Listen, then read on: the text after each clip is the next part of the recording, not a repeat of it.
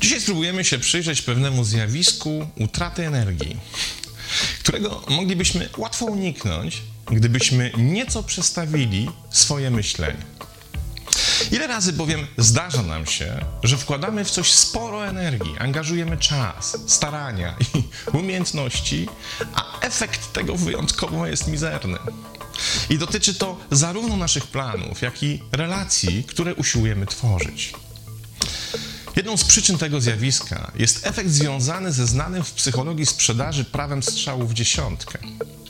Nie jest on jednak zarezerwowany wyłącznie dla procesu sprzedażowego. Działa w całym naszym życiu i to w obszarach, w których często się go w ogóle nie spodziewamy.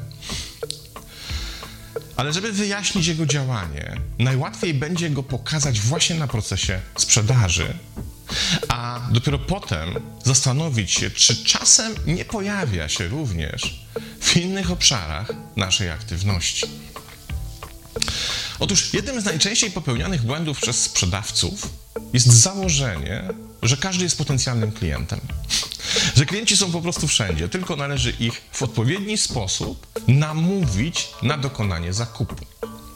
To założenie każe wkładać odpowiednią ilość energii w pozyskiwanie klientów, a co za tym idzie, każdego klienta, który nie zdecyduje się na transakcję, traktować w kategoriach straty. Mówi się wówczas o straceniu klienta. Wielu sprzedawców więc wkłada potężną energię w to, by przekonywać wszystkich potencjalnych klientów i odczuwa olbrzymi dyskomfort w sytuacji, kiedy te działania nie przynoszą efektu. Działa tutaj pewien atawizm, w efekcie którego strata jest przez nas odczuwana boleśniej i dotkliwiej niż zysk. Dla przykładu, wyobraź sobie dwa warianty pewnej gry. W pierwszym masz odgadnąć, w której ręce schowałem jakiś przedmiot. Lecz bez względu na Twoją odpowiedź, i tak dostaniesz gwarantowane 50 zł. Natomiast przy wygranej inkasujesz dodatkowe 100. W drugim wariancie gry nie ma gwarantowanej wypłaty. Jeśli jednak wygrasz, to otrzymasz 300 zł, ale kiedy przegrasz, zostajesz z niczym. Jak myślisz, który z wariantów tej gry zainteresowałby więcej osób? Otóż badania mówią, że pierwszy, ten, w którym niezależnie od wyniku i tak dostaliby 50 zł. Mimo bowiem, że w obydwu wariantach szanse wygranej są takie same, to w drugim wariancie wizja utraty gwarantowanych 50 zł, do których posiadania już się zdążyliśmy w naszej własnej wyobraźni przyzwyczaić, okazuje się boleśniejsza niż przyjemność pojawiająca się w przypadku wygranej 300 zł. Strata jest przez nas odczuwana po prostu dotkliwiej niż zysk. Jeśli teraz ten atawizm przełożymy na przekonanie, w którym, którym posiłkuje się wielu sprzedawców, mamy zwielokrotniony efekt. By nie stracić klienta, gotowi jesteśmy do wydatkowania sporej energii. Tymczasem to błąd.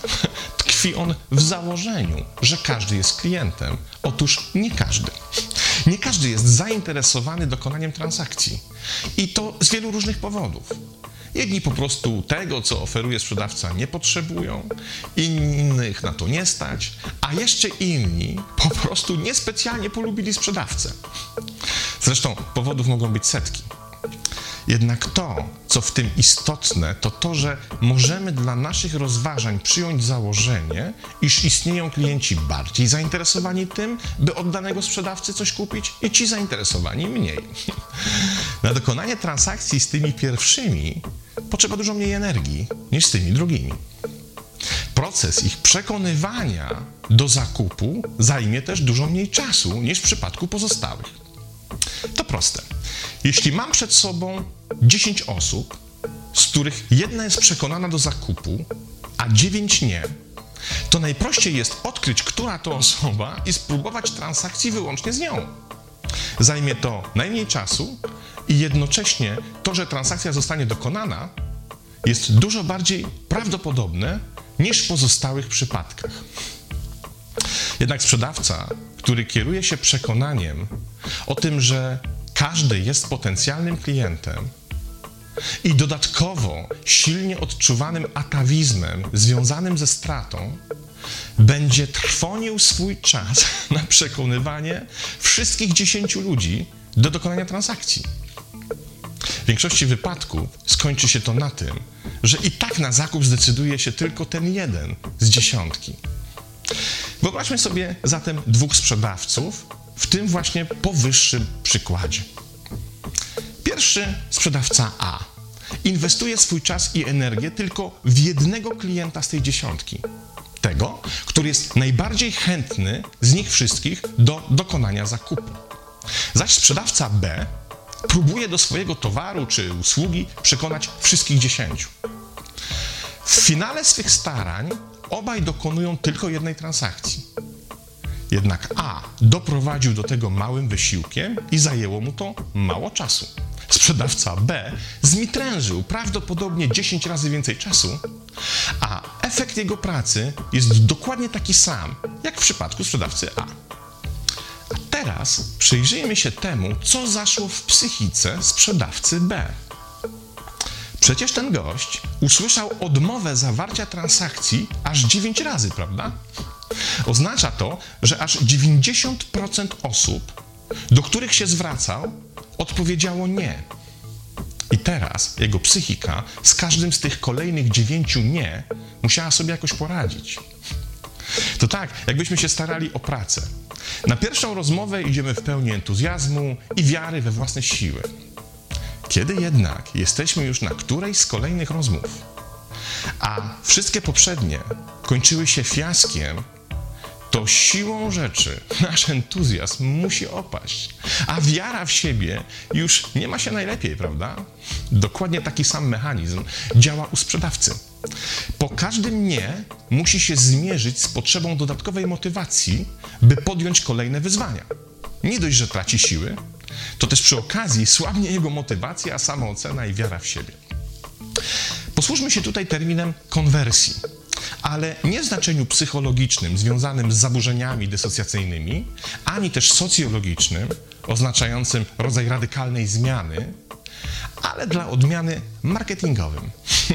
Ten zaś oznacza przełożenie stosunku ilości wystąpienia zakładanego rezultatu do liczby podejmowanych prób.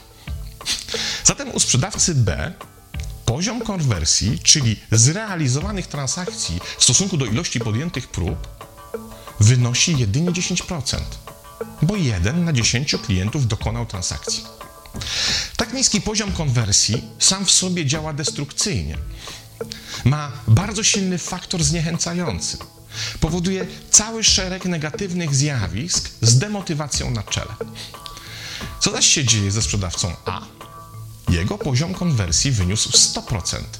A stało się tak dlatego, że podjął próbę sprzedaży, trafiając od razu, od samego początku do właściwej osoby. A teraz przez chwilę wyobraźmy sobie, że zarówno sprzedawca A, jak i sprzedawca B są specjalistami dokładnie tej samej klasy. Można by powiedzieć, że mają takie same umiejętności sprzedażowe. Czy to możliwe? Oczywiście, że tak. Ponieważ różnica którą odkryliśmy pomiędzy ich aktywnością, nie wynika z ich umiejętności, talentu czy jakichkolwiek osobistych predyspozycji, ale wyłącznie z tego, czy w podejściu każdy jest klientem, czy też nie każdy. Czy uważają, że warto inwestować swoją energię w każdego napotkanego człowieka, czy też akceptują prosty fakt, że w wielu przypadkach zainwestowana energia jest po prostu z góry stracona, z góry zmarnowana, z góry skazana, skazana na porażkę. Sprzedawca B przypomina łucznika strzelającego na oślep, któremu czasem się zdarza trafić w tarczę, ale wówczas to zazwyczaj dzieło czystego przypadku. Sprzedawca A, zanim wypuści strzałę, precyzyjnie namierza cel, bo wie, że im więcej uwagi poświęci na to, w którym dokładnie kierunku strzela, tym większe prawdopodobieństwo trafienia w dziesiątkę.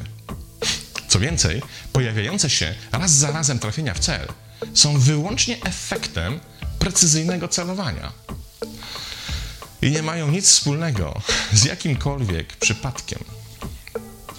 teraz, kiedy już znamy zasadę sprzedażowego strzelania w dziesiątkę i wiemy, czym jest konwersja, spróbujmy przełożyć tę wiedzę na nasze życie. Spróbujmy popatrzeć na wszystko, co robimy z perspektywy prawa konwersji.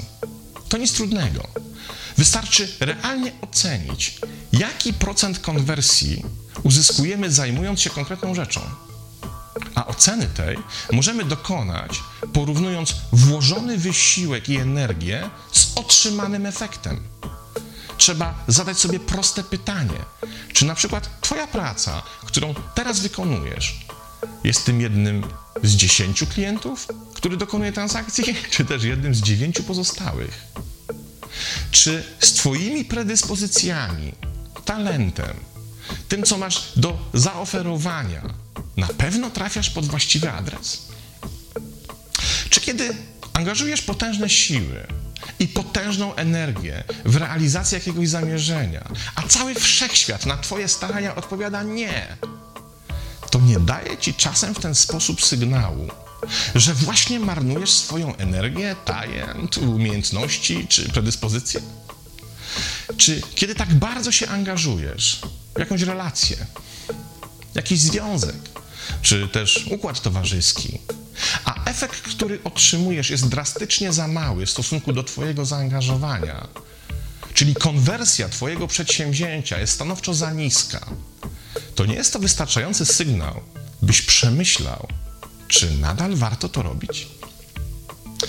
Prawo konwersji, moim zdaniem, działa we wszystkich naszych życiowych aktywnościach. We wszystkim, co robimy, możemy sobie zadać pytanie o wielkość procentu konwersji. Jeśli nie będziemy tego brali pod uwagę, to cena, którą za to zapłacimy, niestety będzie dość wysoka. Znasz już tę cenę, bo jest nią dokładnie to samo, co dzieje się w głowie sprzedawcy, który musi sobie poradzić z olbrzymią ilością porażek. Przy wysokim wydatku energetycznym, potrzebnym na każdą z podejmowanych prób. Kiedy w naszym życiu pojawia się niska wartość konwersji, również płacimy za nią zniechęceniem, poczuciem odrzucenia, demotywacją i konsekwentnie obniżającą się samooceną. I kiedy się porównujemy z tymi, którzy odnoszą sukces, myślimy wyłącznie, że oni są lepsi od nas, że nas w czymś przebijają, biją na głowę, zostawiają w tyle. A w ogóle nie bierzemy pod uwagę, że oni nie są ani lepsi, ani gorsi. Że nie w tym rzecz. Oni po prostu mają wysoki współczynnik konwersji, bo wiedzą, że nie warto marnować własnej energii na to, by przekonywać do siebie tych, którzy nie chcą być do nas przekonani. Nie marnują własnego zaangażowania w z góry przegrane projekty lub takie, w których osiągnięcie małego pozytywnego efektu jest opłacone zbyt wielkim, nieadekwatnym staraniem. Prawo konwersji to jedno z najważniejszych życiowych praw.